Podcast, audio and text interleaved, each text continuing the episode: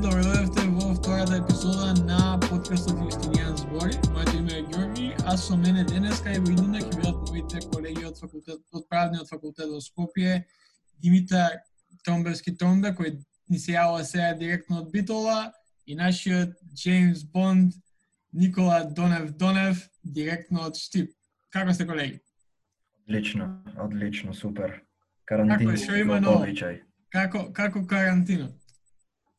Па Добро е, не е лоше, карантин ко карантин, затворени дома, ама морам да признам, по долго време излегов од дома, пошто вчера ми се направи една сериозна форез за тостот кај бамбата, битолчаните да ги сватат колку е добар тостот. И морав да морав да излезам. И убаво, сончево, убаво, за жал премногу луѓе низ градот, ретко кој маска носеше. Ама ај барем Ово заради најавата во, во среда од, од 14. Ние ние Да, фрегуваме да, дека ти 16. си носел маска инаку, така? Како да, да, да, јас опремен со маска, обавезното. Да, и ја, ја вчера прв пат после неколку дена исто излегов, дека знаев дека ќе ќе го зголемат полицискиот ч- час, па викам ајде сега да си купам нешто за јадење за последните две недели. Така што не фатив гужва и таман саат време од кога се вратив дома, најавија зголемување на полициски час, така што добро е некојаш да си у тексто настанија. Мгм. Се, се, се секојше добро, особено кога станува збор за ускратување на правото на слободно движење. А више сак да, да започнеме е, со некоја контраверза. Инаку, инаку да се надоврзам на на работиве што се случува после објавувањето на нашиот прв подкаст. Имаме некои реакции, дел се добри, дел малце не толку позитивни. Ние сега нема да збориме за, нема да даеме никаков коментар за нив, бидејќи имаме тема, не сакаме да, да зборуваме за Америка толку многу сега, туку во петок ќе ќе извадиме и ќе напишеме наш одговор на еден од не толку позитивните коментари кои излезе на еден од а, медиумите, онлайн медиумите во државата, така што очекувајте тоа, очекувајте го тоа во во петок, а ние денеска ќе збориме на една многу интересна тема. Ја искрено едва и чекам да да зборам за ова. Авторитаризам во време на корона. Ке почнеме, ќе дадеме мало осврт на тоа, мислам дека Никола тоа го има спремно, а после ќе преминеме на конкретни примери, што од соседството, што малце од далечно соседство и на крај ќе завршиме со еден глобален пример и а, пример на на еден од а, најголемите светски играчи во моментот, а тоа е Кина. Никола, твоја палката. Во главно ја тоа што сакав да обратам внимание е е на еден некако академски начин затоа што така некако сум навикнат да ги анализирам а, работите. А тоа е доколку би требало да дам наслов на ова на ова излагање би било дефинитивно невицата од авторитарни, од, од авторитарниот национализам. Односно, овде би сакал да збориме за нели за оној концепт на тврдината на нацијата, кој што во во за, во залетните години на глобализацијата се се дефинитивно рушеше со формирањето на Европската унија, особено европските тврдини на нациите кои што се екземпларна нација и држави. Нели идејата беше да се премине на супранационално ниво, на европско ниво. Сега тие пополека се рушат. Што нели има повеќе фактори кои што беа во процес веќе долги години, но но главниот простор кој што доведе, но главната ситуација која што доведе до нели ова забрзано рушење на рушење на глобализацијата, а, образување на сегментацијата на, на глобалниот поредок, наместо да имаме еден центар на мој кој што досега беше кој што досега беше САД, сега ќе имаме повеќе центри на мој, така што веќе државите треба да се навикнат на на полицентрична а, дипломатија и нормално ќе бидат а, приморани да бират во кој блок ќе се најдат. А, оно што е особено, оно што е особено важно да се напомене во текот на целата ситуација е дека сепак во правната теорија се наведува дека ниту во вонредна состојба не може да се суспендира правниот поредок. но реално се многу покомплицирано од тоа.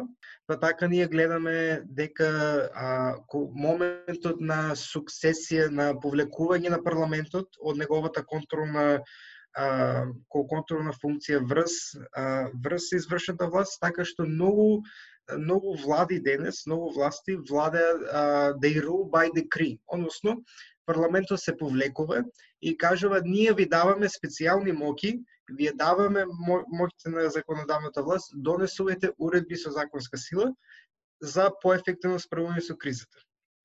Ова е особено опасен а, елемент, ова е особено опасен чекор во земји каде што веќе имаме почетоци, не, тоа е веќе имаме развиени авторитарни режими.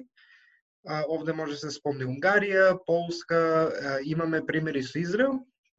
А, така што во една колумна Јоано Харари на авторот на а, авторот на Сапиенс всушност објаснува дека а, контролните механизми кои што денес и стојат на располагање на властите се, а, се екстремно огромни, особено со новата технологија. Така Кина може да буквално преку мобилните телефони да ги да ги следи сите нејзини граѓани, дури и во дури и во момент кога таа сакаше да развие еден свој социјален кредит систем, а, така што мислам дека може Тромбе, мислам дека имаше за за Кина, тој може да обрати повеќе внимание на тоа, но оно што ја би сакал да посебно внимание е фактот на повлекување, односно одредена суспензија и ограничување на система на човекови права. Што значи ова? Human Rights Watch излезе со многу интересна анализа компаративна помеѓу Кина и останатите и останатите земји во Азија, каде што се соочуваат со коронавирусот и нели прави прави една анализа од аспект на од аспект на човековите права. моментално и во нашата земја се воведен полицијски час ограничено е правото на движење воглавно воглавно се стеснува тој обрч на правото на движење, слободата на движење, но би се навратил и на а и на една одлична изјава од Илисавета Благоеви, која што во една неизјава колумна објаснува останете дома, но останете слободни. Зошто? Затоа што ова состојба ни покажува дека дека човековите права не се инхерентни а, за нас лични, туку тие се мора да бидат признаени од државата.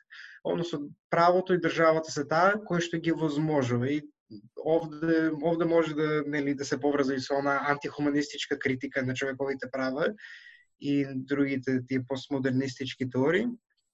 Но сепак мислам дека и укажува на фактот дека кај што со векови назад сме, сме се бореле за, та, за тие човекови права, тие мора да обстанат за да не се доведеме до ситуација да регресираме во поглед на система на човекови права, па да треба повторно со една борба да ги да ги извлекуваме тие права.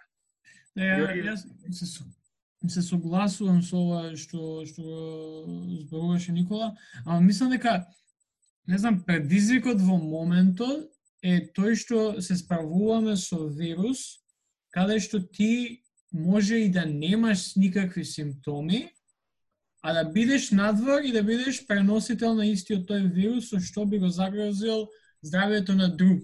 И ова не е а, не е ситуација кај што ја имам симптоми, ама сепак одлучувам да одам надвор. Ја немам симптоми, ама еве, сакам да прошетам малце, да идам со куче, да, да се видам со другари, без разлика што е, сметајки дека јас не сум опасност по други, а уствари јас сум. Е, тука некаде мене барем ми ми става некаква дилема до кога, каде и колку може да се оди во тоа воведување и на полициски час и на други мерки кои би можеле да, да, да ограничат некои права и слободи кои што луѓето ги имаат. Да, Джоле, се, се согласувам со тебе. Има тука една дилема. Нели сите знаеме колку е колку е фундаментално ствари правото на слобода на движење, но во вакви случаеви на пандемија до, до каде е границата? Пошто знаеме во овој момент со природата на како што овој вирус и ова болест, што повеќе се движат луѓето, то повеќе луѓе можат да заразат. Е сега, ограничувањето на правото на, на движење, до каде можеме да го одиме? До каде е таа граница на почитување на правата, загрозување на правата и до каде доаѓа во судир со јавниот интерес, нели? Па, да, да, всушност тоа е тоа е една од тоа тоа е таа фина линија низ која секоја власт секојаш се движи помеѓу заштита на, на, на, на, на општото добро, на республика и на оно што се нарекува индивидуални права, барем во на либерална концепција како што ги имаме денеска во система на човекови права, каде што колективните права како такви е многу потешко да се да се вклопат во тој систем, затоа што имаш конфликт помеѓу индивидуалноста и колективитетот. И овде овде таа игра игра на баланс кај што кој што секоја власт ја игра, но но реално се дека авторитарните режими попрво би оделе кон суспензија на тоа на, на тие човекови права и да и да ја проектира да го проектира тоа државна сила на принуда со цел да го задржи населението под а, нели под нивна власт, а со тоа и дури по нели откако ќе замине пандемијата, тие мерки да бидат се уште во сила, така што тие сушно се зацрстува тој авторитаризм. Да, и тоа мислам, тоа мислам дека е случај за државите за кои што ќе збориме дополнително денеска, ама во ваквите случаи може да, да видиме некој патерн кај што веќе постои и пред ова и години наназад работење за да се дојде до тој некој до тоа некое ниво каде што и без ваква пандемија тие би можеле да имаат да, да владеат со државата како што сакаат и со самиот систем како што сакаат. Мислам дека ова е добар добар вовед во во првата држава за која што би збореле во во оваа епизода, а тоа е Србија навидум држава која што е многу слична со нас, што во поглед од политички аспект, културолошки аспект, па сепак не за джабе сме биле 45 години заедно во една иста држава. Јазик, јазикот ни е сличен, навиките некои и, и тоа чувство на, на патриотизам, може да кажам, ние тука некаде, ама сепак во моментот се разликуваме и мислам дека откако ќе ќе позборуваме за за како како еден режим под водство на, на Александар Вучич во моментот во Србија владее, Македонија е многу подобро место за живење, но за тоа може после може после да да направиме мовет. Сакав пред да го започнеме овој муавет да да навлезам и да опфатам што поточно се случува таму. Ке ќе идам по принципот на да објаснам ситуацијата пред и во Корона Times. Инаку, не се мислев дали вака да започнам и малце пев за и против во главата и со разговор со вас пред, пет епизода, дали вака започнам, но ке, сепак ќе ќе почнем. Мене најинтересна ситуација и најинтересен факт ми е самата биографија на Александар Вучич каде е тој пред 20 години, каде е сега, каде, кај ќе биде во иднина и, и би започнал уште самиот почеток. Uh, може би за, за некој нема да, да се види ова интересно или важно за целата дискусија, ама сметам дека е добар е, е добар вовед во она што ќе озборуваме и како тој тој доаѓа до овој стадиум на кој што е денес. Имено тој во политиката влегува во 93 година како член на Српската радикална партија под водство на Војстав Шешер за оние кои што не знаат идеологијата на оваа партија од тогаш па и сега е а, силен национализам, крајна десница и, и а, голем евроскептицизам. Од 98 до 2000 година Вучич е министер во владата на Милошевич, министер за информирање и мислам дека кој би го слушал овој подкаст со самото спомнување на, на името на Милошевич неминовно е да, да, да, да се помисли на, на, на петооктомвриската револуција и што се предходеше на тоа, така што нема да се задржам да објаснувам уште повеќе, но Вучич е во, во таа негова последна влада и е, е министер за информирање. После тоа, после цел, целите демократски промени промени во, во државата, тоа е во опозиција се до 2008, 2008 година, кога заедно со Тома Николич, кој подоцна станува председател на, на самата е, држава, ја формираат српската е, српската напредна странка или скратено СНС со е, за мене е, еден од најголемите преокрети, е, преобраќања во идеолошка смисла во политиката, барем во последните 30 години, каде што Вучич прераснал од еден националист и радикал во прогресивец, проеу и а, го зазема тој некој центар на на политичка на на идеоло, идеолошката идеолошката скала. Е, што порано тој бил крајна десница.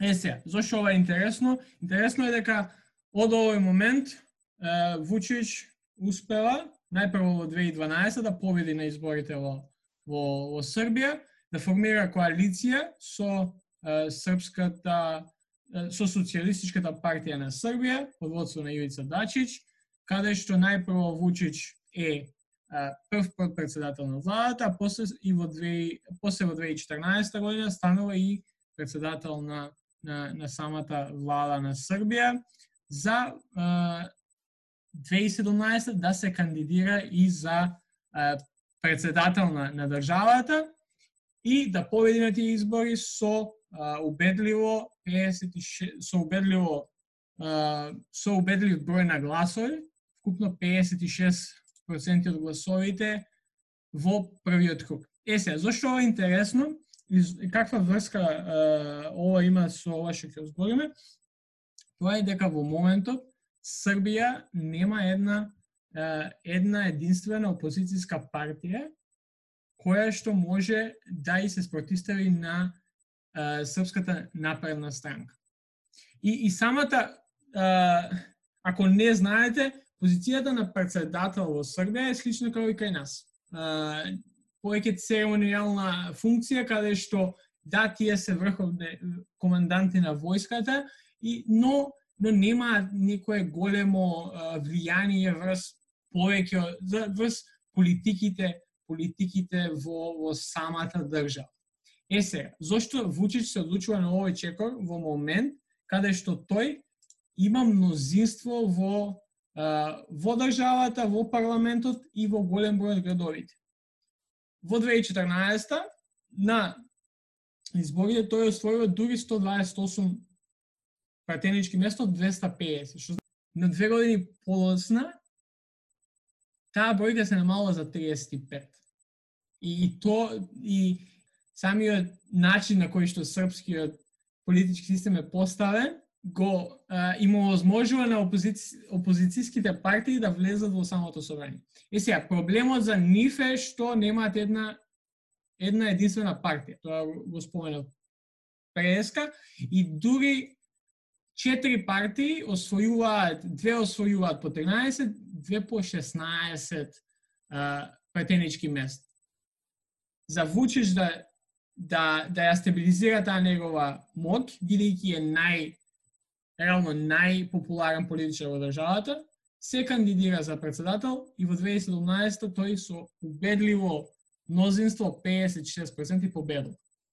Ова е пред да се закажат изборите во 2020. Овие изборите треба да бидат на 26 април. Измеѓу победата на на Вучич од 2017 до сега, тој е поставил Ана Брнабик за за председател на владата, прв а, а, прв open gay а, председател на влада во во Србија и на тој начин ја представува неговата власт и неговата партија како една прогресивна партија во во очите на самиот западен свет. Што е интересно тука е дека како што ќе видиме и после, тој сепак ќе има контролата врз држава. И како председател, тој е се уште председател на самата политичка партија, што, на пример кај нас тоа не е случај, и, и, и има самата контрола врз власта. Уште по интересен факт е што голем дел на политичките, опозицијските политички партии, кои не се под контрола на, на самата власт, еве сега малце конспираси, али верувам во, во ова што го зборам, но тие што не се под контрола на власта, се а, одлучија да, да ги бойкотираат овие избори. Имено, после големиот број на протести минатата година во Србија и после големиот број на, на, на на контроверзни и решенија и настани кои се случија во самата држава, опозицијските партии влегуваат во така наречен сојуз, каде што буквално имаме крај, крајна десница во двери, кои што се националисти, се здружуваат со левичари и со центристи за Вучич да не биде председател. Вучиш да не биде и СНС да не бидат на власт. И се малце коронава ќе дополнително замеша работа, ама е некој некој а, некој бекграунд за тоа каква е ситуацијата во Србија. Да резимирам, Вучич има апсолутно целата моќ во државата, има мнозинство и во собранието, е, е председател на државата и, и, и, и Српската напредна странка ги има голем број од началничките места во самата држава што се случува во време на корона. И сега, пред да, пред да почнам ја да, да раскажувам, мислам дека најубаво ќе биде или сега да стопирате, или после од кога ќе ни изгледате и ни слушате, да одите на YouTube, да напишете 24 минути со Зоран Кесич и убаво ем ќе се изнасмеете, ем ќе дознаете уште подобро и ќе добиете некој подобар контекст за тоа што се случува во државата. Мене лично Зоран Кесич е еден од нај најелоквентните и најсмешните луѓе на Балканот, па и во Европа, кои што на, на еден сатиричен начин ги објаснува сите овие појави. Ја малце мора да признам кога се спремав за епизодата од него крадев идеи, па така, па така би, а, би почнал со ова дека Корона и Србија идат од тричина. Прво имаме комедија, драма и сега сме у фазата на хорор. После тоа, кој знае. Комедијата започнува со излегување на со пресконференција на 26 на 26 февруари 2020 година, каде што на, пресконференцијата одржана во председателството во, во Србија, известен доктор Несторович, кој мислам дека сега вие ќе стана познат не само во Србија, туку и кај нас го знаеме, дава изјава дека коронавирусот или COVID-19 е најсмешен вирус кој постои и дека е само на Facebook. Вучиче во позадина, нема да сега да ја опуштам, може да идете да го гледате, ама Вучиче во позадина и се утепува од смеј. Uh, и славно Несторовиќе завршува пресконференцијата што, со тоа што им препорачува на сите жени сега кога е време, кога никој не оди во Италија, специфично во Милано, да одат и да пазаруваат, да, да одат во шопинг. Е сега, тоа е првиот такт од цела ова, ова театарска представа. Вториот такт е драмата. Имено, не, пол, не цели 20 дена после ова изјава, Вучич повторно излева на пресконференција. Овој пат со сите исти доктори без доктор Несторович. Изјавата ја имате на, на YouTube, може да ја погледате, ама делот кај што мене најинтересен ми е кога Вучич со солзи во очите почна да раскажува колку само ги сака постарите лица, колку е благодарен за се што они направиле во, во, историјата на Србија и ги кажува мерките кои следуваат и најавува и прогласува во на состојба. Тој го ја започна пресконференцијата дека е невид противникот со кој во моментот се соочува и Србија и целиот свет е невидлив и, и, и е како никој друг во, во историјата на човештво. Мерката инаку која е нај, најзабележителна и нај, најстрога, барем во тој момент во самиот запад, во самиот Балкан е, е таа дека се воведува 24 часовен политички саат, тоест политички час за лица постари 67 години. Значи, ве сакам, ама не смеете да излегувате воопшто. Значи, почнавме од најсмешен вирус, сега сме на драма, кај што ова е невидлив противник со кој што никогаш не сме соочили. Следно е хорор. Овој дел започнува на, на 29 март, каде што Вучиш излева на, на, на интервју на ТВ Прва и зборува дека ако треба, тој ќе воведе 24 часовен 24 часовен и е за 24 часовен полициски час, бидејќи луѓето не се придржуваат кон мерките, играат кошарка у парк, ги реди работиле и само два дена после тоа владата на Србија донесува закон за забрана на информирање на медиумите за коронавирусот, освен за штабот, за кризниот штаб кој е предводен од самата премиерка Ана Брнаби. Со ова јас мала дегресија, дефинитивно е еден од поголемите глупости направени во цела ова корона а, збрка у која целиот свет се случува, не и се, на само ден после тоа, новинарка од Војводина, Ана, Ана Лалич, е задржана во полиција за, 20, за 48 сати, бидејќи излева со, со статија за недостаток на опрема на клиничкиот центар во Војводина. И не знам за вас, ама ова, ова е уште една потврда за тоа каков режим постои во Србија и дека и ова не е првиот случај. Можам да набројам уште милион други пред корона. Ова е најсвежиот случај, мислам дека ќе се повторува со, со години и години таму, се додека е, Вучич и СНС е на власт. Не и се, на само еден ден после тоа, Ана Брнович после... Знаеш, најинтересното од целава ситуација дека ги има на секаде. И Вучич е секојдневно на пресконференции, па после ќе се појави на некој интервју. Брнович исто. Знаеш, ај кај нас бар Филипче ќе си излезе, ќе си каже што треба како министер за здравство и треба да излезе. У Србија не знаат кој е министер за здравство. У Србија го гледаат Вучиш 24 кроз 7, Брнавич ќе излезе ту и тамо да, да се покаже дека има ти премиерка, ама министерот за здравство нигде го нема. Златибор Лончар нигде го нема. Ја, ја го знам дека Кесич го зафркава нонстоп. Инаку не би знаел ни ја. Ама, што сакав да кажам?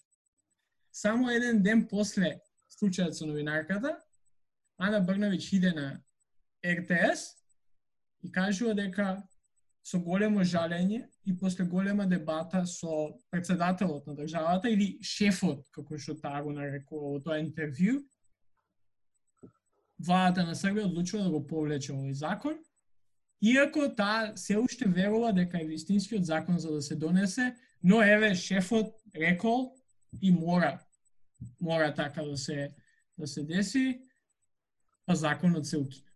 Да, малце само да, да се внесам во, во дискусија. Колку е само евидентно, колку се гледа дека за, за Србија уствари станува збор за автократски режим, дека владата го има тоа чувство да се прикажи себе си како дека таа е Министерството за вистина. Дека само податоците од владата се точни, дека никој не треба да збора ништо за тоа поврзано, да не се шпекулира под наводници, дека владата е единствениот субјект која кажува вистината. То не е само за, за Србија во многу други автократски режими. То се прави и е многу штетно. То не сме никако да се дозволи. Добро што се тргна овој закон и е многу битно да се укаже улогата без разлика за каква ситуација, за епидемија, пандемија. Многу е битно да се слушнат и други субјекти, затоа што самата поента на слободата на говор е да се стави под знак прашалник тоа што ќе го каже владата. И мора да му се дај простор на новинари и други субјекти да запрашат владата и да клат некогаш, бе треба според мене и секогаш на браникот на надбрана, да се бранат. Да, овде, де, овде дефинитивно би те надополнил Димитар, односно мерките мерките се дотолку ефективни колку што нели се почитуваат од страна на граѓаните. То за за да имаме ние почитување на мерки, пред се е потребно да има да има доверба во самите институции кои ги спроведуваат тие мерки. Но новинарите, бидејќи тие се едни од нели категоријата што е исклучена од полицијскиот час, односно тие може да се движат и во и додека трае полицијскиот час, а, тие се должни на нас како граѓани да ни информираат што се случи. Овде особено посебно важност треба акција да се стави на истражувачкото новинарство, кој што барем во овој регион не, не е доволно застапено, но во вакви услови кога владат кога кога власта е а, има енормно концентрирана моќ, дотолку е поважно граѓаните да бидат информирани. Но но сепак овде се случуваме и со нели оние фейк news кои што се кои што кои што се шират и но тоа е сепак нели по посебна дебата која што се има во новинарските кругови. Да, да, ја, ја би само поставил ова прашање со кое што би сакал да, да развивам дискусијата околу Србија. Дали мислите дека почетов изјава на, на еден од опозицијските политичари кој што а, мислам дека Борко, Борко Стефановиќ беше, а, лидер на левица Србија, а, дали мислите, тој вели дека ова ќе му се одбие од глава на Вучич, дали според вас мислите дека има некој а, backlash се во ова поготово последното нешто каде што гледаме реално дека е, слободата на медиумите е непостоечка. Не, не, сам, не само на Вучиш, току буквално во наредниот период а, влади ќе паѓаат и ќе се раѓаат само врз основа на нивната ефективност во справување со коронавирусот она власт и она влада, оној модел кој што на власт кој што ќе се покаже како ефективен во справување со а, со коронавирусот, тоа е дефинитивно моделот кој што понатаму ќе победува на избори. Поентата е поентата мислам најтеоретски идеално би било модел кој што истовремено ги гарантира човековите права, но истовремено ги нели води сметка за општото добро и нели го, го спречува ширењето на пандемијата. Но оно што се заблежува денес, особено со регресијата на глобализацијата и со големиот регионализам, имаме појава на авторитарни режими кои што се прикажуваат како поефективни во во справување со епидемијата, иако не е баш така секој случај во реалноста, малку е покомплицирано, така што во периодот после короната, кога ќе кога ќе стигне ситуацијата и кога повторно ќе се организираат избори во различни држави, владите ќе паѓаат и ќе се создаваат односно парламентарните состави ќе бидат такви да го рефлектираат желбата на народот за оној модел кој што најмногу може да се справи во во состојба на криза, затоа што затоа што ова нема не е прва пандемија, нема да биде ни последна екзистенцијалниот проблем на глобалното затоплување дополнително ќе ги зголемува ефектите, така што и научниците да тврдат дека и понатаму следат полоши пандемии, така што останува пак да видиме после короната. Односно то дали ви му се удариле сите овие работи врз главата на Вучич, би спомнал дека сигурно граѓаните на Србија се загрижени за слободата на медиумите, односно на немањето на слобода на медиуми во Србија, но мислам нека во овој период, во екот на пандемијата, мислам дека тие работи се мислам барем дека му се ставени во втор план. И каква ќе биде днината на режимот на Вучич, мислам дека најмногу зависи од тоа како ќе се справи со короната. Гледам дека доста држави во Европа и во светот многу му расти рейтингот на, на владите валјда е тоа една една слика на како се справуваат со короната, но има една слика, барем јас таа слика ја гледам, дека народот почнува да се здружува зад владата со цел да го да го порази овој невидлив невидлив непријател и не знам, тешка тешка да се каже и днината и судбината на Александар Вучич. Мислам дека многу зависи од тоа како ќе се справи со коронавирусот. Да, овде, овде може да, да, да направиме транзиција и, и малце погоре, е, тоест уште еден не наш сосед, ама сосед на Србија, тоа е Унгарија. Мислам дека Никола веќе го спомна Орбан.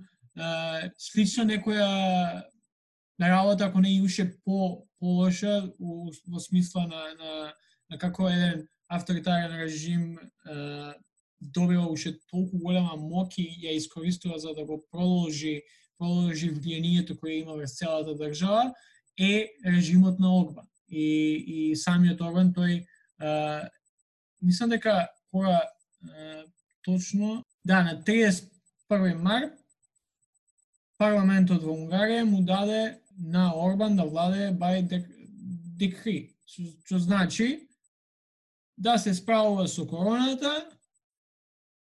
макар тоа би значило што сака да прави. Е се, ова ја нема да навлезам што може да направи, бидејќи има еден мал милион работи кои што самиот Орбан може да ги направи, ама најинтересното за цела оваа ситуација е надвор од тоа што тој веќе има а, има донесено доста доста работи со кои што им се одзема моќта на на на градоначалниците на повеќето од градовите, погодно таму каде што опозицијската партија е во е на власт и ред други работи и, и планот за како да се е, не знам, тоа него е негово христијанско владење и тоест идеологија да да уште толку поеќе да појасне која станува збор поготово за промена на полот и како тоа државата го регулира. Сепак сметам дека овде и мислам дека е добра тема за дискусија е каква е реакцијата на Европс, на самата Европска унија врз целиот овој случај, поготово што се случува во Унгарија. Мислам дека сме свесни до сега и ќе се согласиме дека Европската Унија до сега, иако има е, санкции донесено врз самата Унгарија во минатото, сепак нема нема заземено доволно силен став за да за да и се спротистави на една мала држава како Унгарија и со тоа власта на Орбан, но и но и ефектот кој тој го има врз другите држави во во регионот, па и во Европа, станува се поголем и поголем и поеќе држави, мислам и повеќе политичари, започнуваат да го следат тој негов пат на на радикализирање на тоа мојата држава прва, после Европа, како што е во Унгарија. Uh, и, и реално, Орбан е паметен човек. Добар политичар е, ама како таков е уште поеќе опасен кон, кон самата светска политичка сцена. Што мислите вие за, за самиот начин на кој што Европската Унија до сега се има справувано, па и сега, со цела оваа ситуација, бидејќи да, излезе со изјава, но не ја спомна, не ја спомена Унгарија по име како како ова би како ова ја рефлектира улогата на Европската унија во самиот овој процес и што значи ова за Европа? Да, тука ви тука ви се надоврзал. А, нешто се последно што прочитав после дешавкава што се случи со нели вонредната состојба во Унгарија, слушно дека Европската народна партија или EPP, European People's Party, а, планираат да тргнат партијата на на Урбан од нивните редови. Да мислам дека ги имат веќе гласовите за тоа. Са не сум само сигурен дали веќе официјално е тргна или во процеса, но евидентно е дека тоа ќе се случи. Една друга работа ја спомна улогата на Европската унија за режимот на Урбан. Пред неколку години, мислам дека беше, може да ме коригирате ако знаете поќе за ова, Има определен член во во европските конвенции или устави што регулира работата на Европската унија за тоа дека може да му се одземат определени права на земја, на земја членка. Е сега, За да му се одземат тие права, потребно е да гласат сите држави, освен нели државата која во прашање. Тука пробаја да направат такво нешто Европската унија, да не да не викаме се дека се птен пасивни, ами има еден проблем што му беше на патот, тоа е Полска. Полска знаеме дека е сојузник на на Орбан затоа што има една заедничка работа, тоа се хибридни режими. И пак проба е нешто да направат Европска Европска унија за да за да сузбијат тоа што прави Урбан но ќе видиме. Мој, мој коментар дефинитивно дека Европската унија има механизми кон државите членки, но но но а, но групациите на партиите кои што се се се се нормално приказна приказна за себе. А, и овде владачката структура на нели на Унгарија и на партијата на Орбан а, е, е, е, е таква да ги позиционира работите, он е да за државата да навлезе под изговор за заштита на нели на нацијата од пандемијата, да навлезе во други работи. Например, тоа се случува и со а, забраната за за трансродови лица и за и за ЛГБТ лицата кои што кој што е во ефект во Унгарија, но истовремено ој на изјава на Орбан во однос на миграцијата, бидејќи Унгарија беше на налетот на на она бегалска криза од 2015 година, каде што таа прва ги подигна оние зидовите а, на границата со Србија. А, и овде овде тој вели, овде тој вели нели дека таа доаѓа и од надвор, така што овде го повторно го искористува и искористува пандемијата со цел уште под уште повеќе да ја тврдината наречена Унгарија и подсврсто да владее со со народот со народот таму. Нормално Европската унија е токму градена на вакви кризи. Европската унија е создадена од криза. И таа и таа се создава и се распаѓа во екот на кризи. Ова ов, оваа криза повторно е ова криза нели повторно е теза Европската унија, односно тоа дали таа може да се справи или не со пред се со пандемијата, но истовремено докаже дека незиниот супранационален модел може да обстане и може да може да биде ефективен. А, но мое лично верување е дека недостатокот на визионерско лидерство од страна на државите во Европската унија ќе го направи ова малку не несигур несигурен потек. А, сакам да верувам дека комисијата на Урсула фон дер Лајен го прави се што во нејзина моќ но овде ќе се одлучува дали Европската унија ќе ќе понатаму ќе го зголемува овој супранационален елемент во себе или ќе се наврке на овој меѓувладин модел а, а, како што е со Советот. Така што сепак пак останува да видиме, но, но оно што е јасно дека Европската унија се создава во кризи. Каква Европска унија ќе имаме, ќе зависи од кризата и од визионерството и лидерството на државите членки. Да, дефинитивно се согласувам и само да се надоврзам на Димитар тоа што го спомна поготово за Европската народна партија и учеството на партијата на Орбан, имено а, мин, минатата година а, партијата на Орбан Фидес, не знам сега дали точно го изговорам, но небитно, а, беше суспендирана од страна на Европската народна партија поради кампањата која а, пар, оваа партија ја водеше против Сорос и а, Јункер, но во моментов а, 13 партии во Европската а, народна партија доставија повик до, до самата коалиција на, на партии за целосно исклучување на на партијата од од овој од овој сојуз. А, не верувам дека ова ќе успее, веќе само 13 се вклучиле до сега, но можно е. Ја, ја би се само надоразил дека да, Европската унија не може да ја исклучи Унгарија во моментов и дефинитивно за, за поголеми, по-строги мерки во однос на, на овој дел ќе бара уште многу, а знаеме дека Орбан барем до сега е успешен во тоа да, да прави и да, да станува а, пријател и добар сојузник со доста други лидери во, во па и во, во соседството, но и во, во Европа, а мислам дека и во Америка, така што не само немањето на доволно силен одговор од страна на Европската Унија, туку и од страна на САД, представува голем проблем како за Европа, така и во светот. Ја едноставно сметам дека во моментот Европската Унија сепак може силно да ја казни Унгарија, тоа е намалување на, на, на, на парите што тие ги добиваат, така што а, во а, сега го читам фар, а, а, артиклот кој што зборува за овој дел и каде што Унгарија има, има добиено а, повеќе од 6 билиони евра во 2018, што е еквивалентно на 5% од GDP-то на самата држава, додека на Европската Унија и дава само 1 билион евра.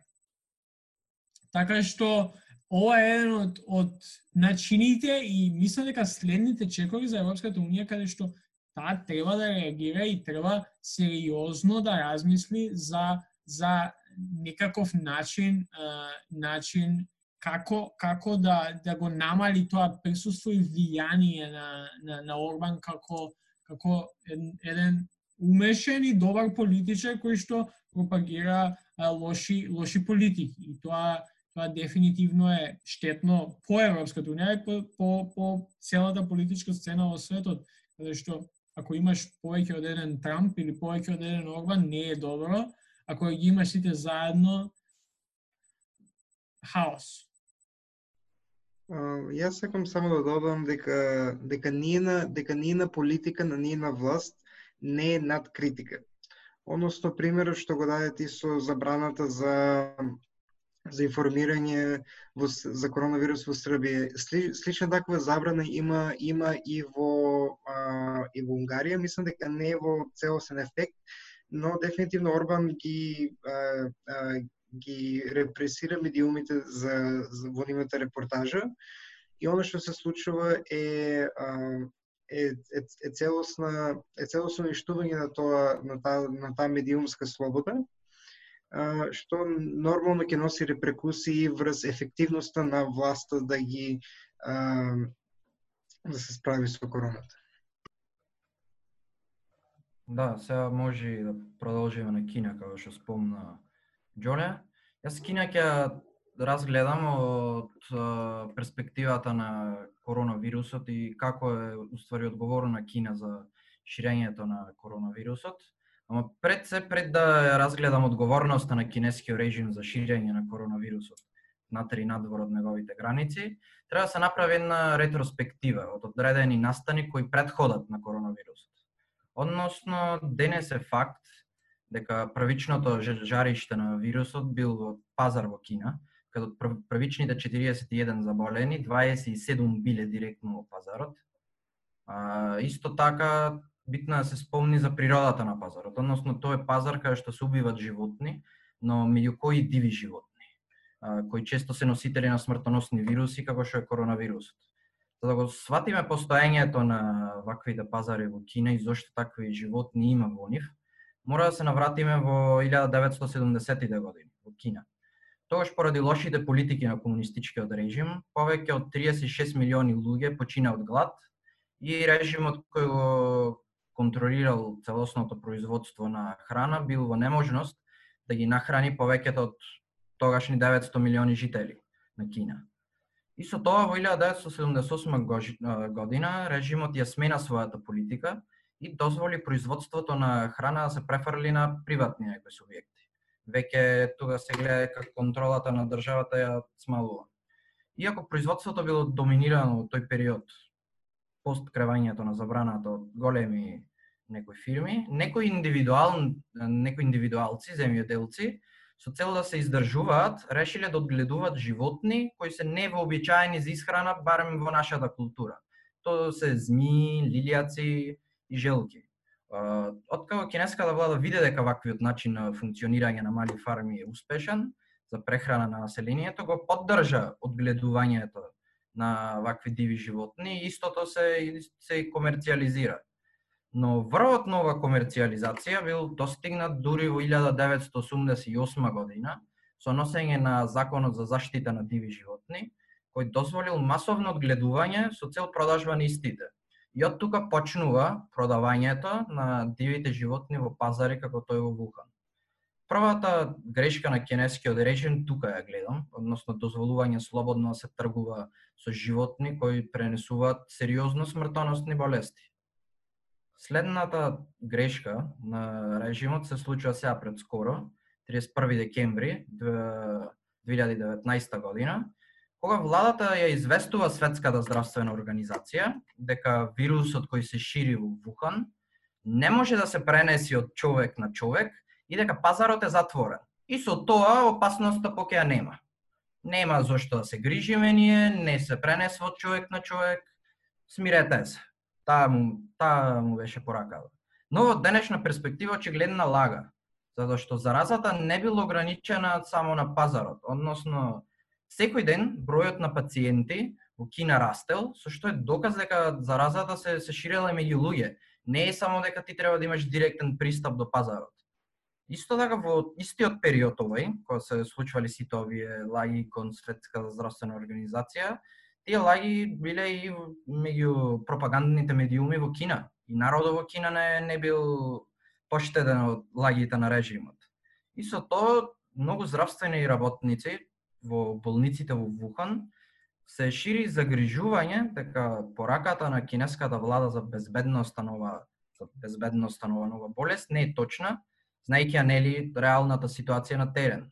Истите тие здравствени работници, меѓу кој е доктор Ли, најверојатно го познавате, офталмолог во Централната клиничка болница во Вухан, почнува да ги известува своите колеги и пријатели за потенцијалната опасност за за нив од новиот вирус преку кинеските социјални мрежи кои се нели, знаеме, мониторирани од кинеската, од кинескиот режим. подознавање за ширењето на вакви информации, кинескиот режим го казнил докторот со тоа што бил приморан да подпише документ со кој признава дека ширел лажни вести. А е очигледно од, од денешна гледна точка дека нема везе, не, не излажал. Човекот загрижен ги известил своите колеги роднини да се пазат. Исто така после нели овие театарски представи за лажење, доктор Ли продолжил со работа како доктор, да се бори со коронавирусот, но за жал се заразил од вирусот и почина на негови 34 години. Но доктор Ли не е единствената жртва на кинеската цензура. Тука ви ја спомнал и доктор Ай Фен, таа е раководителка на секторот за брза помош во Централната болница во Вухан, колешка на доктор Ли, која јавно излезе да искаже дека незините надредени ја закитувале при ширење на точни информации за опасност од овој вирус. Денес доктор Аишен е исчезната. Не се знае кае, никој нема никакви информации и голем дел од нели луѓе што се занимаваат со кинеска политика повеќе што се патени предпоставуваат дека е уапсена од страна на режимот. Но, верувале или не, небрежноста и грешките на кинескиот режим тука нема да застанат. Односно, градоначалникот на Вухан самиот тој изјавил дека пред затворањето и ставањето на градот во карантин истиот го напуштиле околу 5 милиони жители. Нели градот е 11 милиони, значи сериозен дел од популацијата на Вухан се замина во време каде што Вухан во Вухан има сериозен вирус. Причината не е јасна, но можни причини се очигледната, нели, ширењето на вирусот во градот. Како и во овој период битно да се спомни како една од можните причини зашто толку луѓе се заминале од градот, дека се слави а, во Кина лунарната нова година.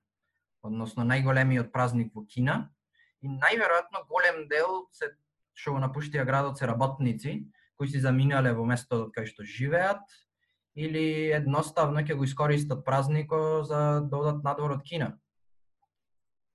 Да, ја е, не знам кога ги слушам овие работи, иако веќе голем дел од нив знам, е, малце многу не малце, туку многу повеќе подолго гледам на сите на сите не знам постои по Facebook или вести кои ги добиваме дека Кина праќа помош на секаде сега.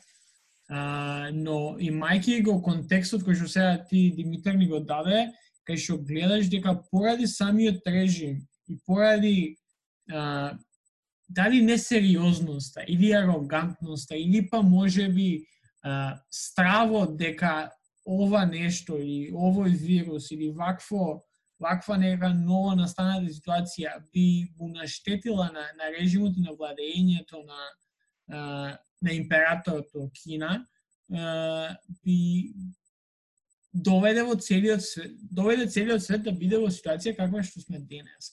И, и сметам дека и покај тоа што Кина реално и покај ова најдобро се справува со со вирусот од која стварно сериозно започна и, и сериозно го свати, може да се каже. А, но освен тоа сметам дека што и да направи Кина сега, нема да може да го, знаеш, на, на вага ако ставиме тоа што го направи за да придонесе и тоа што ќе го направи за да за да помогне, многу е тешко и многу е цинично од една страна сега ние да и се заблагодаруваме на Кина за сите помош, за, за сета помош, за, не знам, мислам дека во Србија дури билборди Вучич му лепеше на си дека му прати е, респиратори, кај што реално Кина направи Кина е главен виновник за сето ова. Да, да, exactly, то, то ми беше и поента да спомна за то како Кина се труди да ни помогне нас. Тоа е, јас го гледам како еден обичен пиар. Како да си го обелат образот пред свето за уствари кризата што тие самите ја, ја, ја направија. Ама ќе ќе видиме многу како што гледам по медиумите сериозна е загриженоста за председателот Ши Жинпинг, мислам дека се викаше. народове веќе почнува колку толку критички да го гледа и да види неспособноста негова за справување со со кризата, иако да по многу медиуми се шират а, мислам можеме да видиме како тоа Кина добро се справува со вирусот, но знаејќи историјата на кинескиот режим на лажење и на нетранспарентност, и нели сега имаме бројки како драстично се намалува бројот на заболени од коронавирусот, мислам дека треба многу скептички да, да гледаме на тие бројки, да не веруваме здраво на готово, затоа што сепак се работи за еден сериозен режим кој веќе и се докажало и доправа ќе се докаже за што не работи, лажела и за што не било транспарентно. Um, овде, овде малку би, би замерил на, на тоа дека во, во период после а, во период после коронавирусот дека ќе дојде до едно поместување, се ќе се гледа кој остана најефективен. Почетокот нема толку да се анализира, колку што ќе се анализира крајот, односно кој модел се покажа најефективен. Моментално, Кина не само што успе да се справи со, со помош на својот модел, туку и веќе помага на нели на на, на станација дел свет и овде би сакал нели да отвора мал, малата дискусија околу ам, на на меѓународно ниво концептот на меѓународна солидарност помеѓу помеѓу државите кои што си помагаат за решавање на проблемот со коронавирусот. Јас само би се јас само би се надоврзал тука и би го поставил тоа прашање пред да пред да, да започнеме дискусијава за за солидарноста, дали треба да заборавиме на почетокот на оваа криза? Знам дека на крајот на денот помнењето не е одлика на, на луѓето овие денови. Многу брзо се заборава на тоа што се десило и кој започнал некои работи, но, но дали, дали треба да се заборави и, и, и не знам, валја, како, како да што да се направи за да не дојде до тоа до таа ситуација? Да. А, мислам во контекстот сега на Кина за пост-корона света треба да се постави прашањето што после короната, како да се понашаме кон Кина. Мое мислење е дека целиот свет треба да се обедини и да бара одговорност од овој очигледно неодговорен режим и полека полека да почнеме да тоест да престанеме да ги величиме дека се некоја способна држава, и да се подсетиме нивната неспособност да доведе ние сега да се справуваме со ваква криза. ни светот. Исто така има има некои примери, баш пред скоро дознав дека во Америка има две тужби против Кина, едната во Флорида едната во Тексас. И многу интересно што таа во Тексас а, ја тужат кинеска влада за оштета во вредност од 21 трилион долари. Е, сега ќе видиме тоа како ќе види, баш ме интересува. Најверојатно нигде нема да заврши, но е убаво за да се да се движи наративот кон таа страна дека Кина уствари е стварно одговорна за ова ние сега што што доживуваме. Јас само би кажал дека само те, самата самиот факт дека ваквата тужба доаѓа од Тексас кажува многу, така што и големината и мислам дека ефектот нема да биде толку голем, но но самиот факт дека луѓе од Тексас го направиле тоа доста кажува за државата. Um, да, овде а, малку малку целата епизода може би ќе личи на doom and gloom, но би сакал дефинитивно да ја затворам со малку по а, со малку по поголема позитивност, односно тоа е концептот на меѓународна солидарност. А, односно имаше една интересна колумна која што нормално сите колумни кои што ги спомнам, барам ја што ги спомнав ќе бидат а, доле во YouTube description а, на епизодата, но оно што е посебно интересно е островот што никогаш а, не се изолираш, а тоа е Куба. Куба а, се покажа како како земја која што иако е бомбардирана од сите страни со ембарга и со и со различни економски репрекусии, таа сепак некако се успеа да се издигне над да се издигне да се справи со налетот на коронавирусот, па дури и да да прати своји доктори на територијата на на Италија на Италија како би помогнале на италијанските власти понатаму во нивната во нивната борба. А доста интересно што дури тој кубански систем, идејата на тој на тој систем каде што тие ги тренираат медицинските работници не само за Куба, туку и за надвор. Односно во Куба постои она како меѓународна школа за тоест школа за, меди, за медицинска школа за Латинска Америка, И таму докторите што се спремат не се само за Куба, туку тие доаѓаат и од Бразил, а, и од Чили и останатите, а, а, и останатите делови од Јужна Америка, но истовремено тие скочуваат и договори за меѓународни за меѓународни тимови, меѓународни експедиции, така што многу интересен овој модел за колку за промоција на на меѓународната солидарност и во контекстот каде што зборувавме прво каде што во Европа се за, повторно се величи она тврдина на нацијата а, затварање на на на границите а, практична суспензија на слободниот пазар на Европа, на единствениот слободен пазар. А, за овде имаме пример за е за земја која што покажува солидарност дури во нај, и во ова голема пандемија.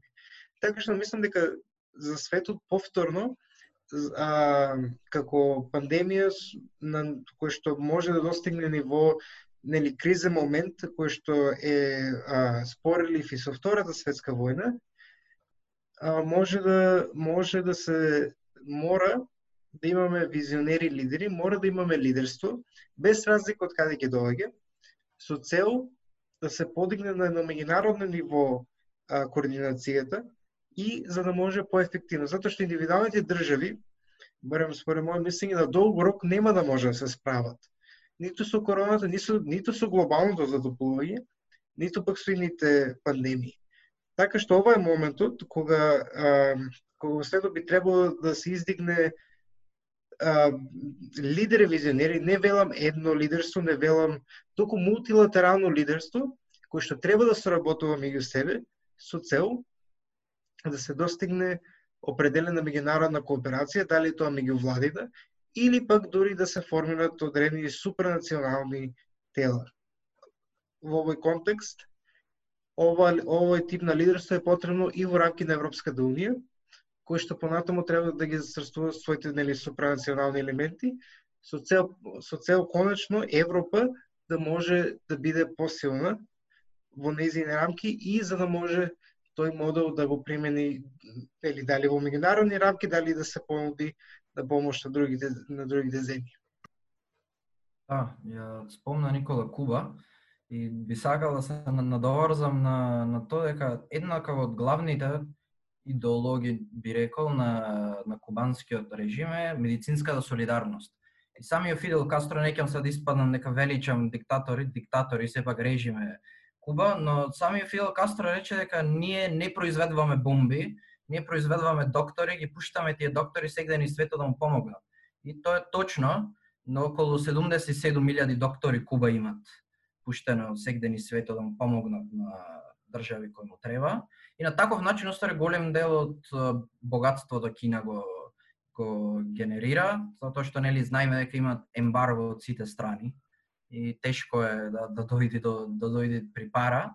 И баш тие квалитетни доктори кои што ги имат Кина ги експлоатираат за тоа негде и собствен бенефит, но и за бенефит на цел свет, зашто стварно кинеските доктори, ој, кинеските, кубанските доктори се познати по нивната стручност. А за солидарноста во Европа, би сакал да се надоврзам со тоа дека мислам дека водечка сила за солидарноста на Европа треба да биде Европската унија, затоа што сепак таа една депикција на, на наднационален наднационален ентитет и мислам дека треба на финансиска помош, со финансиска помош да му помогне на на нејзините земји членки, макар и во поширок круг на земји како Македонија што има потреба. Са не можеме да очекуваме од земја како Италија, која е многу погодена од оваа криза, да биде солидарна. Или која е била друга држава, како Шпанија, која што се бори секој ден, апсолутно ги користи нивните ресурси, тие веќе што ги има ресурси не се доволни, не би можеле од нив да очекуваме некоја огромна солидарност. Затоа мислам дека тука е местото на Европската унија, па да истапи да му помогне на државите кои се нај најзасегнати. Доколку доколку можам само да да покријам, а, во многу компарации ова е видено некако во многу можеби хорор филмови, каде што сме сите затворени дома А, но, но реалноста е дека ние не гледаме филм, а, колку и да звучи чудно, ние не го гледаме филм, току ние го пишуваме. Каков ќе биде крај ултимативно зависи од од нас и од нашето лидерство кој што сме спремни да го преземеме во ваква ситуација. Да, Никола, мислам дека ова е совршен крај за цела дискусија. Кој што каже малце дебата ни, тоест дискусија ни беше малце думен глуми мислам дека бевме ја пробав, знам за мене дека пробав да да бидам е, најоптимистичен што можам. Uh, верувам и вие исто, така што не знам, ќе следиме, ќе следиме што се случува по по државите во следниот период и ќе се надевам ќе направиме некој апдейт на цела ова на, на цела ова тема за месец или два, па ќе видиме каде и како овие држави, држави се снаоѓаат со коронава. Се надевам дека до тогаш и, и ќе гледаме некој крај на цела ова а, ова ситуација. Не верувам дека крајот ќе се случи за две, две, два месеци, но верувам или сакам да гледаме бар крај или бело од на, на крајот од тунелот. Георги не, не, не се завршило така, туку треба да кажеш во, на, во, во догледна епизода ќе бидеме сите на едно место во Скопје и ќе се снимаме во живо. Договорен. Да, да. Тоа, тоа ми е, ја е, мислам дека јас сум последниот мохиканец кој што остана во Скопје, а не од Скопје од студентија, така што се нада дека ќе ми се придружите у најскоро време. А сега, Да, сега може да, да, да преминеме на нашиот сегмент на, на вести, по краткиот джингл, а после тоа имаме и интервју со а, двајца од уредниците на новиот, тоест првиот студентски медиум на УКИМ, а, Петра и Бисер.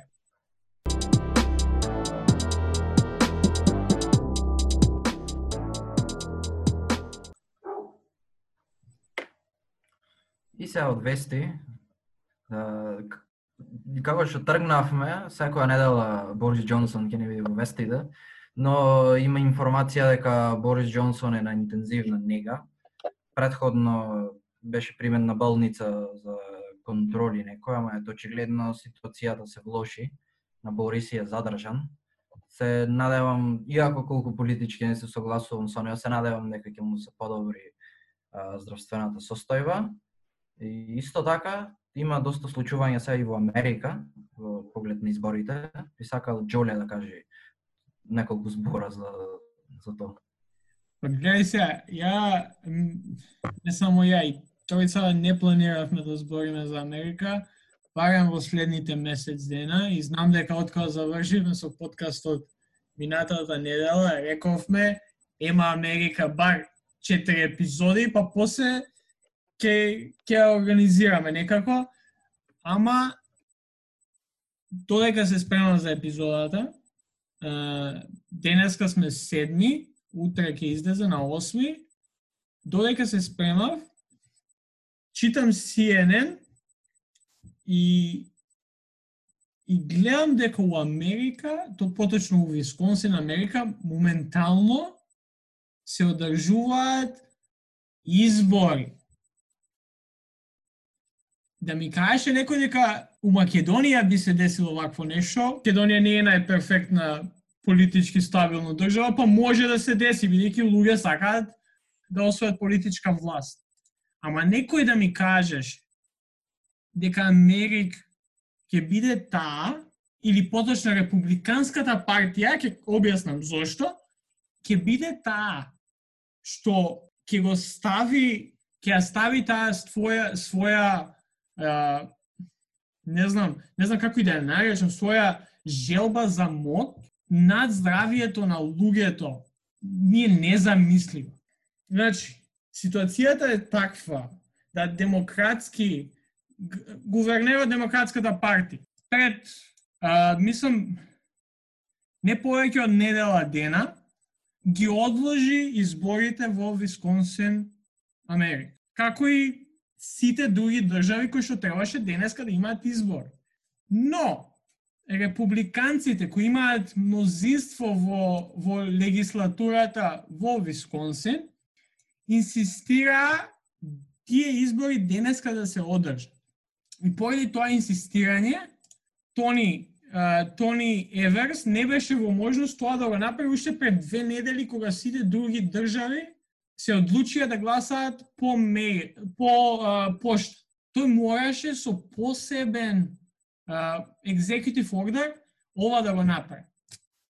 Е се, што се случува и зошто ова е многу, многу проблематично, поголемо и од коронавирусот, по политичкиот систем во Америка е тоа што најпрво Врховниот суд во Висконсин, а после и Врховниот суд на САД донесе одлука во корист на Републиканската партија и дозволува овие избори денеска да се одржат. Додека ние овде сега збориме, ги критикуваме Орбан, Вучич, Кина, малце Тунке ке почнеме уште малце да го критикуваме, Републиканската партија на чело со Доналд Трамп вади луѓе да гласаат. Не ги вади со коли или ги носи директно да гласаат, туку овозможува тие да бидат на гласачки места и да ја зголемат можноста вирусот уште толку да се прошири. Најпроблематично за тоа е што во самиот Врховен суд, и тоа мислам дека е најголема победа на републиканците, што добиваат мнозинство кое што може многу големи штети да направи и поголеми од ова. Но, зошто ја највеќе сега се нервирам? Е тоа што Берни Сандерс е единствен кој во моментот има изјавено против ваквата одлука. И сега ја читам изјавата, Берни вика дека одржување на избори додека ваква пандемија се случува, е многу штетна и опасна и самото одење спроти експертите за здравство може да се покаже убиствено. Џо Бајден, кој, кој изјави минатата недела дека верува дека гласање гласање in person е не, не е толку добра опција, откога одлучи Врховниот суд на САД, нема излезено да даде изјава за ова. Нема ни против ни за. Џо Бајден повторно го нема. Е сега, зошто ова е лошо? Освен изборите кои што се случуваат денеска, а се да се одлучи кој ќе биде кандидатот на демократите.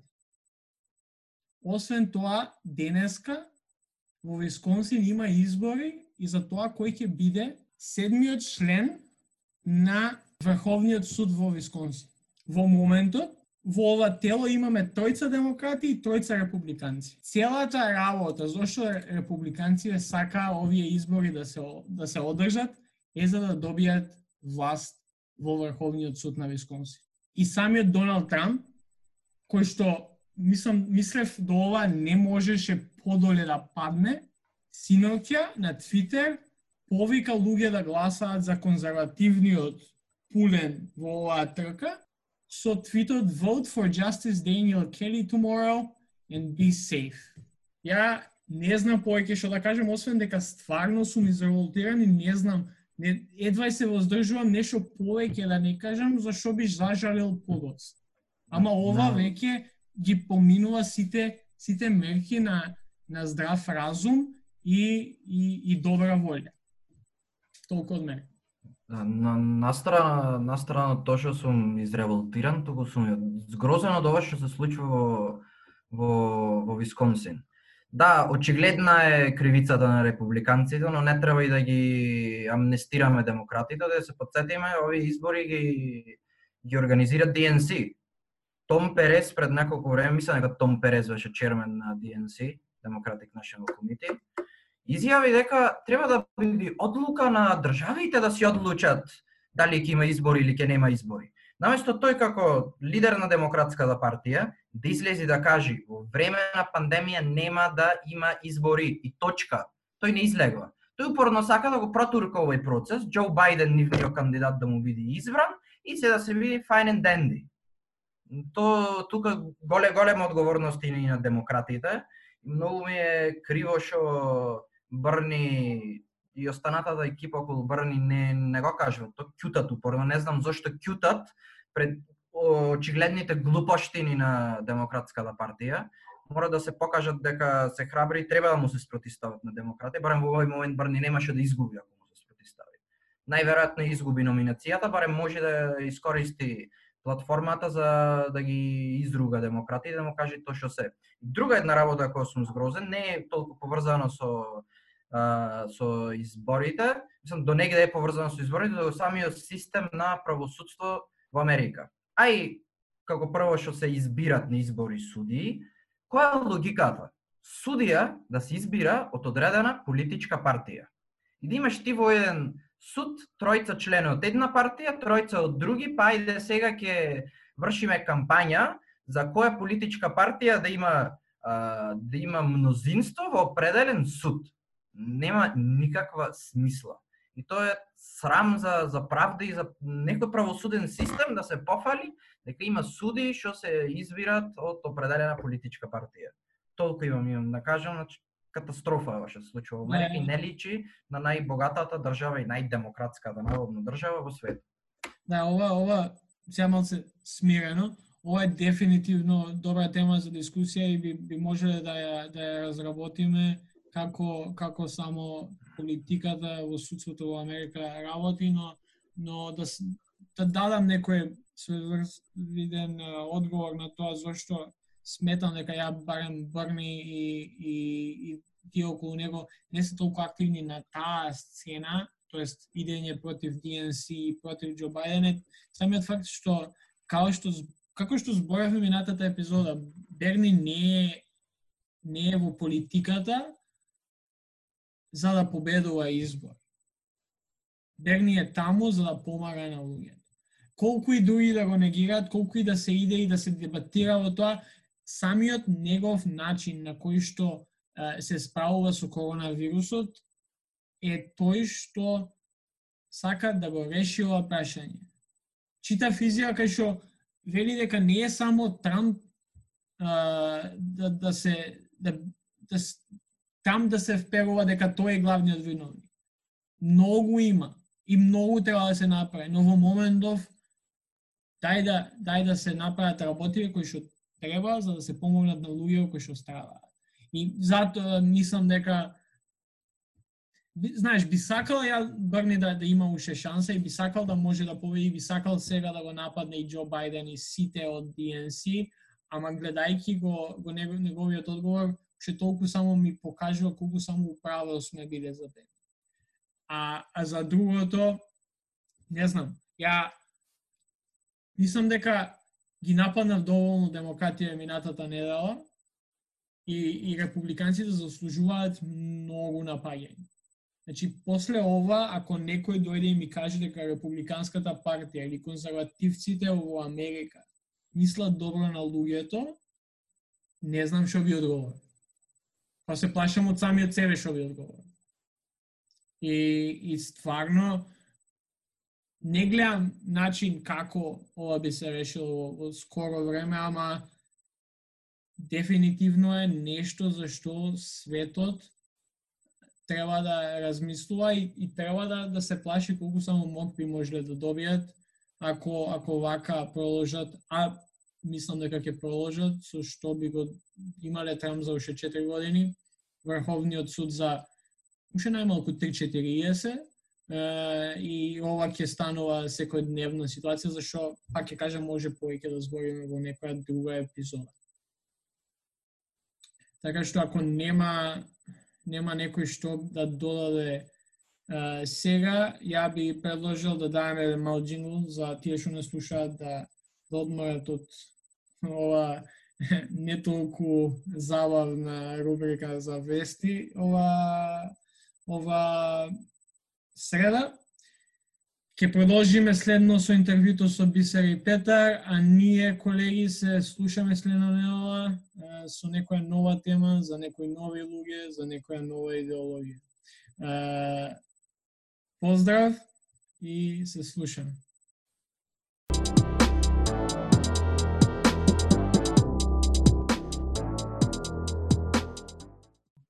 Добро дојдовте назад во втората епизода на Јустинијан збори. Со мене сега на Zoom се Петар и Бисера, членови на уредничкиот тим на студентскиот медиум Авангарда при Универзитетското студентско собрание. Добро дојдовте, Петар и Бисера. Добро Hello. најдовме. Како си, што има ново? Ајде бисера, ти давам пре, Не знам, предност. Многу, многу чудно прачење што има нова кој си во карантин цел ден. Па, не знам што да кажам, но што многу излегов да ги проштам кучињата денес и се Се прошта сам. прошетав до дневна. Да, буквално. Смени аутфит. Тоа тоа најбитно. Како сте со предавање? Имате или? Ух, имаме, имаме. Не. Па ајде, вака да започнем, пошто не верувам дека нашите, нашите гледачи ве, зна- да се представите кои сте, што сте, од кај идете, тоест од кој факултет сте и каква е вашата поврзаност со студентскиот медиум Авангарда, на кој што и овој подкаст се наоѓа. Ајде, Петар, ти прв. Ајде јас прв сега. А, здраво на сите, гледачи, слушатели. А, јас сум Петар Јанковски, доаѓам од филолошкиот факултет, Блаже Коневски, втора година сум, умите студии. А, и исто така сум председател на комисијата за студентски медиум. Ева се моите колеги, кои што соработувам со нив, кои што ги правиме овие интересни подкасти и а, статии кои што ќе објавуваме заедно со нив. Исто така ја имам свој подкаст, се вика Unfiltered with Peter. Сега ја користам приликава да self-promo. спромовирам. да, ја користам приликава да си спромовирам сам себе си. така да, ако сакате, идете, ко дзирнете ме мене. Uh, basically, тоа е тоа, као сме многу, многу уживаме кога работиме заедно. И како за почеток, за прв студентски медиум дека за, за УКИМ, се надеваме дека стварно ќе имаме многу работа, исполнета со, со успеси, со добри статии, со добри подкасти. Така што очекувате многу од нас. Би се? А, јас сум Бисера Самарджиева, јас сум студент на филозофскиот факултет, трета година сум студент на психологија и сум дел од уредничкото тело на студентскиот медиум Авангарда при Универзитетското студентско собрание на УКИМ. А, и се согласувам со се што кажа Петар, дека стварно се надеваме дека ова ќе прерасне во нешто поголемо, заради тоа што не сме само студентски медиум на УСС, туку сме студентски медиум на студентите и сме отворени за соработка со сите студенти. И сакаме да се приклучат што повеќе луѓе за да можеме да вадиме што повеќе работи над, надвор, што да вадиме повеќе статии, повеќе подкасти, повеќе било што што сака да направат студентите, за тоа што сакаме конечно да дадеме глас на студентите на масата на УКИМ, заради тоа што сепак ова се луѓето што утре треба да станат водачи на нашата држава и да станат интелектуалната маса. И сакаме да им дадеме нивен глас. Да, да, баш баш ова сега што последно да го кажа, вака ви го почнал некој наш разговор за за а, медиумот бидејќи целта сега мене и се надам на вас ние да да да се обидеме да го представиме медиумот бидејќи уште не сме официјално почнати. Затоа да да почнеме со како се роди идејата за ваков студентски медиум, како како се до овој процес започна и и што се се случи за да може еве сега ние да снимаме подкаст и да збориме за за студентски медиум на УКИМ. Па јас ќе почнам ова, пошто целата целата идеја произлезе а, од универзитетското студентско собрание, кое што се оформи оваа година, мислам оваа академска година 2019-2020 во октомври, мислам дека се почна иницијативата за нели сите факултети при УКИМ да си состават нели свое факултетско студентско собрание кое што ќе ќе раководи со своите факултети. А, и од таму факултетското студентско собрание праќа по двајца делегати на универзитетското студентско собрание. Е сега, на универзитетското студентско собрание А, има има различни комисии, мислам за екологија, за настава, за самоевалуација, за студентски медиум, ние. А, и тука изле, а, мислам дојде до момент каде што одлучивме, мислам не одлучивме, се се бираше кој да биде за комисија за медиум и јас се кандидирав да бидам нели председател и, председавач на на нашиот на нашата комисија. Um, мислам дека идејата позади тоа што нели се кандидирав пошто стварно немаше негде на на страниве што нели излагаат на Facebook, на Instagram, на Twitter or whatever било каде, а, немаше доволно информации што студентите да ги ги засегаше. Сега кога станува збор за студенти, студенти како студенти сакаме да да бидеме во тек, а едноставно тие да ги да ги кажам формалните вести има ко некои информации што стварно не ни се битни, а не сакам да кажам дека немаме време, имаме време, особено сега со карантинов, ама едноставно сакаме како сајт или како медиум што стварно ќе ги застапува повеќе интересите на студентите и ќе им нуди новости, вести, стати, подкасти, каде што стварно може онака да се пронедат во во тоа што го слушаат и што го читаат. И basically тука веќе ние почнавме да работиме. Се собравме, се одбравме. Одлучивме дека сакаме подкасти, одлучивме дека сакаме да имаме свој сајт кој се надеваме дека од наредна недела ќе биде пуштен во потреба. Се надеваме, пошто стварно работиме на нив, сакаме квалитетно да биде све и сакаме да ги задоволиме сите оние работи што студентите го, го, го очекуваат од нас. Кога кога вели се собравме, колкав е бројот на на луѓе кои во моментот се инволвирани на на овој проект? Е, дали има заинтересираност кај студентите за вакво нешто? А, па да бидам искрен, на почеток, мислам прва година е за универзитетското студентско собрание да почне со работа, сум стварно се трудиме. Имаме премногу нашачинија за работи што сакаме да ги постигнеме годинава, барем дури не трае мандатот. Ама да бидам искрен, а, еве конкретно за студентски медиум, а, пошто нели председател сум таму и мислам дека немаше толку заинтересираност колку што мислевме од причина што студентите уште немаат стекнато доверба мислам имало предходно нели студентски собранија, студентски сојузи и што све не. Парламент. Е, тие. И од предходни настани студентите имаат некако изгубено доверба во тоа што тие студентски собранија, парламенти, така натаму и така натаму ја вршеле својата работа. Некако немаат доверба во тоа. И сега целта нас, прва првата цел ние е да да стекнеме довербата кон студентите за да видат дека стварно тоа што го правиме не е колку онака да ни пројде време и шалабајзерски да ни биде, туку стварно сакаме да бидеме квалитетни у тоа што го правиме и стварно сакаме да биде нешто квалитетно што студентите ќе може да, да го гледаат како доверлив избор на информации. Ако може само да додадам уште нешто, а, како што кажа Петар, а, може би нема толку голем одговор со студентите како што очекувавме, а мислам дека тоа и мисля така во тоа има многу голем удел тоа што не се навигнати студентите некој да им дава ваква обемна платформа каде што им даваш комплетна слобода што сакаат да направат, заради тоа што ние тоа сакам да им го дадеме, сакам да им дадеме можност што сакаат да напишат, што сакаат да произведат, било како дали сакаат за веси да пишуваат, дали сакаат за политика, дали сакаат за филмови, за книги, за било што. И мислам дека студентите не се навикнати некој тоа да им го дозволува нив. И исто така немаат сватено дека ова е буквално медиум на студентите. Ова не е наш како комисија за медиум, туку ова медиум на студентите и ова е отворен за сите. Не се навигнати на толку они да имаат контрола врз тоа што сакаат да читаат и да произведуваат и да гледаат. Мислам дека тој има многу голем удел во тоа колку луѓе се пријавуваат да креираат нешто на овој медиум. Кратко кажано, сакаме да го да, да ете да да искористиме таа реченица како од студенти за студенти. Баш.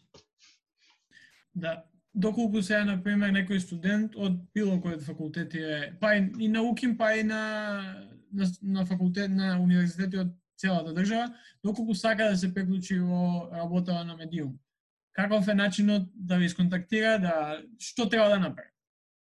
А, доколку бил, било кој доколку сака да во, да учествува во нели работата на студентскиот медиум, а, имаме неколку правила не се некој кој знае колку строги правила, но би препорачливо е да се држат по тие правила. Мислам може да не исконтактираат на на мејл, а доколку имаат нели статија да објават или да ни кажат некоја информација, дали сакаат, не знам, било што што сакаат они да го а, да го прикажат, може слободно да го да го пратат на на нашиот мејл.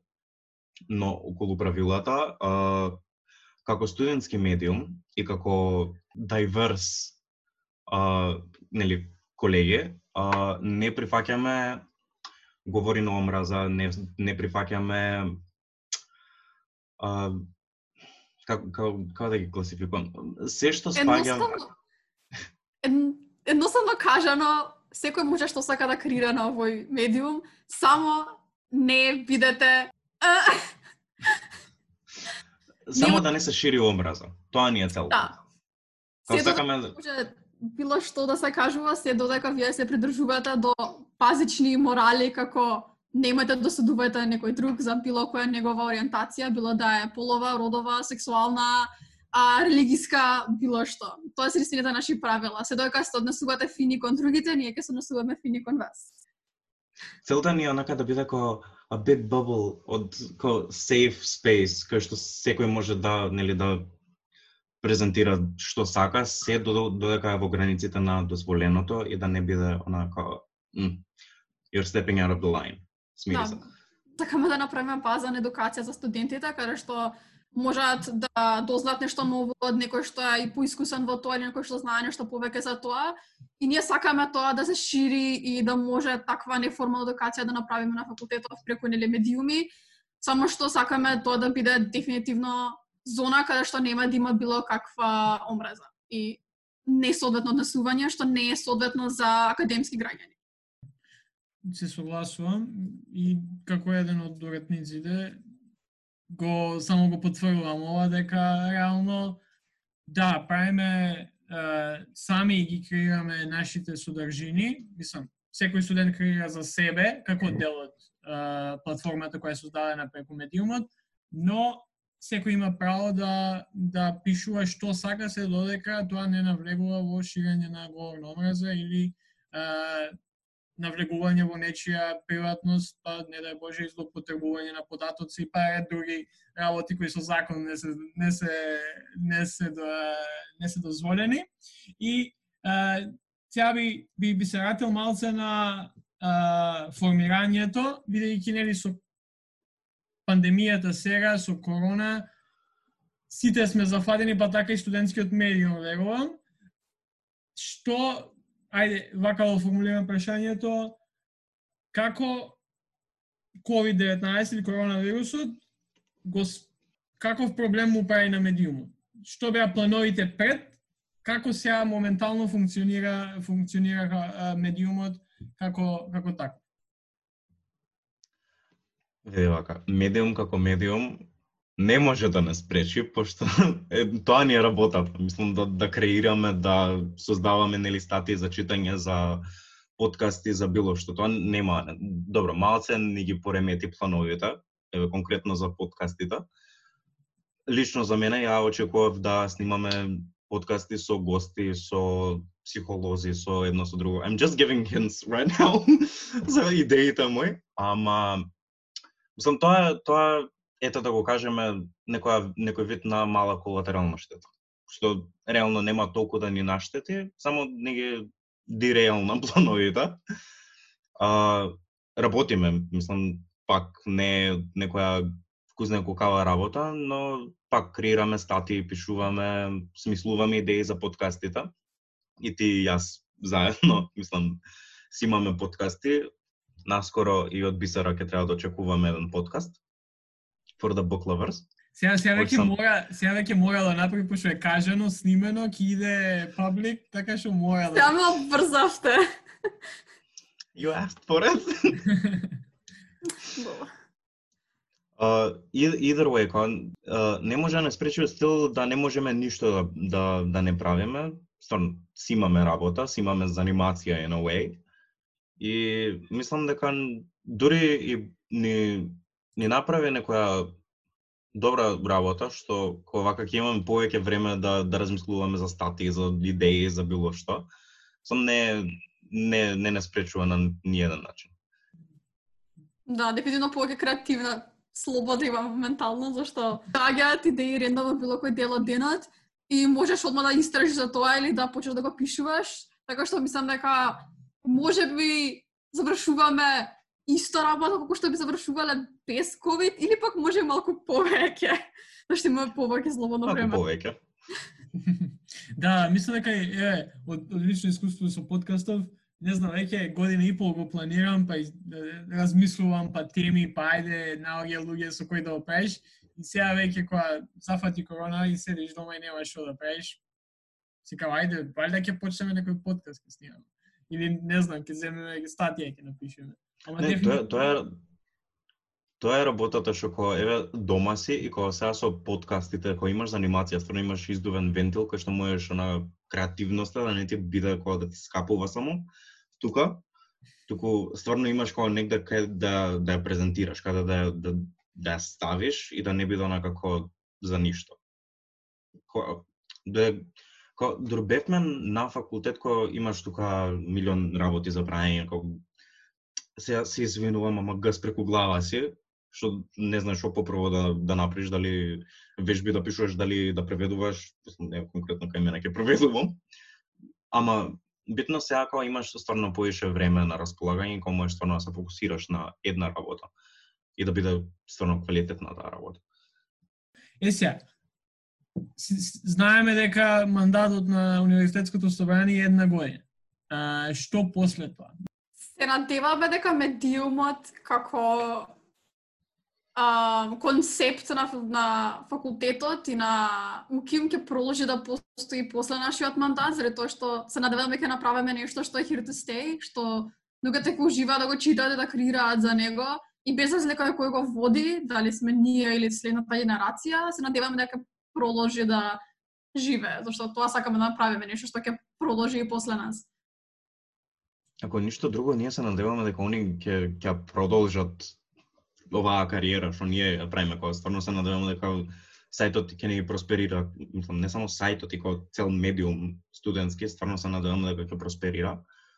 who knows, може и тие што после нас ќе додат ќе бидат многу поуспешни од нас, као мислам стварно се надеваме кој ја сум човек што онака надевам се се. радува на нечија на нечи успех, така што идните водители good luck, good job. Добро, ајде, ај сега вака, ја, ја уште едно прашање имам на, на ум околу медиумова, после ако вие имате нешто да дадете, слободно. А, прашањето се однесува на тоа дали, како студентски медиум, а, ќе има обезбедено а, финансиски средства за репортери хонорарци, кои што, например, би дошле, не знам, од новинарски факултет или а, од факултет за новинарство или од други факултети кои што би се нафатиле да пишуваат дневно, подреден број на статии или ќе се иде на тој принцип да медиумот биде повеќе како место за ставови, за колумни, за за подкасти или за е, едноставно е, еднаш пишуваш, не можеш после да продолжиш. Как, каква е политиката околу тоа? Да, ова е мислам дека најголемата сфера каде што COVID најмногу не погоди како комисија и како медиум, заради тоа што во план ни беше да имаме хонорар за постојани новинари кои што ќе пишуваат одреден број на статии неделно или некој таков систем што го имавме ние разговарано со станоци. При тоа што план е на овој медиум да имаме и вести за, за Македонија и за светот што ќе излегуваат регуларно, зашто не може било кој да го пишува тоа, морате да имаш новинар кој што некако ќе го компензираш за тој да следи цело време што се случува во светот и да пишува статија за тоа. Ама, заради тоа што апликациите што се за финанси, за комисии, за УСС се одложија поради COVID, моментално ние немаме такви средства. Надежно кога ќе се врати ситуацијата во контрола и кога ќе надежно ќе добиме тие средства, ќе можеме да го поставиме целосно тој принцип, каде што ќе имаме постојани новинари кои што ќе пишуваат вести, ставови, статии за наука, за спорт, за политика, слично. Uh, но освен тие постојни новинари кои што би сакале да ги имаме, на кои што би сметале цело време, исто така сакаме да имаме секогаш и статии од студенти кои што се заинтересирани за дадена тема, кои што доаѓаат ни кажуваат е, јас сакам за ова да пишувам, дали може да ви ја дадам оваа статија сега, ама нели не сметате на мене цело време. Така што тоа е нашиот план како ќе функционира ова и како ќе вадиме ставови. Надежно короната ќе ни го дозволи тоа. Да. Fingers crossed. Боговите на јавното здравство ќе се смилуваат. Ќе видиме. мислам- Венко Филипче. да, да ни е жив Венко. А, ја, ја појќе прашање не знам, не знам дали имам, може сигурно имам нешто испушено, па ако имам, кажувајте уште сега додека не сме завршиле. Имаме ли прашања други? Меѓу себе прашање? па не знам, еве, што интересира, не знам. Може да прашате нешто за подкастот или за било што. Или да додадете за медиумот, Кога? што не сме спомнали. Кога ви излегуваат подкастите, дечки? Па, вака, подкастите ќе ни излегуваат нај најверојатно секоја среда. А, ќе имаме како ситуацијата се одвива, ќе имаме и некои вакви вонредни подкасти кои што направиме во неделата ова претходна за е, одредени теми кои што се случуваат што на нашите факултети, што е, за одредени политички настани. Знам дека веќе сме у процес да, да на договарање да снимиме едно, едно, едно лайв верзија за изборите 2020 у ноември со, со со, во САД, кај што иеко има уште едно добри колку 4, 5, 6 месеци и не знаеме ни дали воопшто ќе се случат. Планираме цела вечер да идеме, ама отом потом ќе видиме како како и што. И ако правите live viewing на elections за USA, јас сум за ако. Договорен. Договорен. Јас А Петар, твојот подкаст кога излегува? Мојот под- подкаст излегува секој петок. А, околу мојот подкаст јас правам многу полабави теми, не, не навлегувам толку политика, пошто мосли не ме бива за тоа. Знам, еве, колегите од правен си го прават тоа и, и ми да е прекрасно. А, јас правам многу полабави теми, мислам нај она студентските муавети кои не знам, кафе муавет. Ако треба да го да го категоризирам, кога ќе го кажам кафе муавет, ама без кафе. Мислам, можеш да имаш кафе, као ја да си направам за мене, као на подкастот да така мини ASMR момент да има и да биде така. Како сте? um, да. Сам тоа тоа е мојот подкаст. Може да ме следите на Instagram unfiltered долна црта with долна црта Питер. А, таму постирам многу работи, а можете да и мене ме фолонете на мојот официјален профил Петар долна црта Јанковски со Y. Супер. А, така, фала. Фала Се слушаме, се слушаме во некоја наредна прилика, а за нашите слушатели следете не по социјалните медиуми, subscribe. Мислам дека оваа епизода треба да иде и на Apple Podcast, така што може и таму сега да не најдете, освен на Spotify. Like and subscribe. и YouTube, така што like, subscribe, review а, и оставени коментари како ви се како ви се свиѓаат до сега епизоди. И ако Треба- сакате да учествувате во нашиот медиум, може да не контактирате на Facebook или на Instagram, исто така на нашиот мејл студентски